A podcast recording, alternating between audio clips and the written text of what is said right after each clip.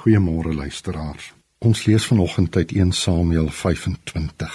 Dit gaan hier in koning Dawid se tyd. En iemand het vir koning Dawid beledig, 'n man met die naam van Nabal. En Dawid was so kwaad vir hierdie man dat hy oorlog teen hom wou maak.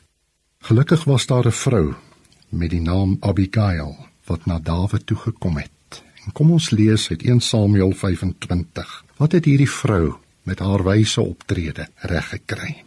Toe Abigail vir Dawid sien, het sy gou van die donkie af afgespring en vir Dawid eerbiedig gegroet. Sy diep gebuig voor hom en gesê: "Verskoon tog die onreg, meneer. Mag ek vertroulik met u praat? Luister tog na my woorde.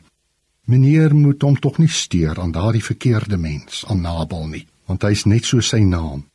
Sy naam beteken dwaas en dwaas is hy, maar ek het nie die manne van meneer vir wie meneer gestuur het gesien nie. Meneer, so seker as die Here leef en so seker as wat u self leef, dis die Here wat gekeer het dat u bloed vergiet en die reg in u eie hande neem. Neem tog nou hierdie blyk van goeie wense wat ek vir meneer gebring het en laat dit gegee word aan die manne wat altyd vir meneer volg.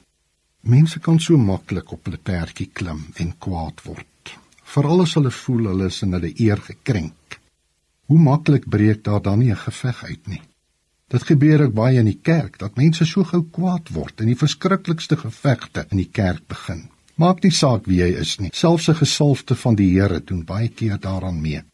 Dis presies wat met Dawid gebeur het. Hy stuur van sy manskappe na 'n baie ryk man met die naam van Nabal. Nabal beteken dwaas. Dawid se manskappe vra of hierdie ryk man Nabal nie vir Dawid en sy mense uit goedgesindheid ietsie wil afstaan nie maar Nabal is nie bereid hiertoe nie. Toe Dawid dit hoor, is hy gordgaar. Hy's in sy eer gekrenk. Hy gee die opdrag: "Ons gaan oorlog maak. Iemand praat nie so met die koning nie. Gord aan die swaarde."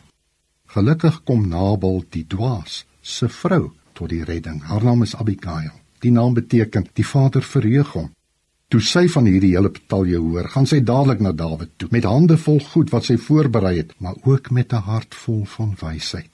Toe sy by Dawid kom, het sy hom oorreed om nie oorlog teen haar man Nabal te gaan maak nie. Maak eerder vrede, was hierdie wyse vrou se boodskap aan Dawid. Gelukkig luister Dawid na haar en neem haar advies ernstig op. Hy besluit om nie meer oorlog te maak nie op grond van 'n wyse vrou wat as profeet na hom toe gekom het. Later sou Jesus, die gesalfde van die Here, ook sê: Salig is die vredemakers Miskien kan ons meer na die profete luister, veral as hulle die boodskap van die vrederyk verkondig. Dis goed dat daar nog profete is wat dit vandag doen.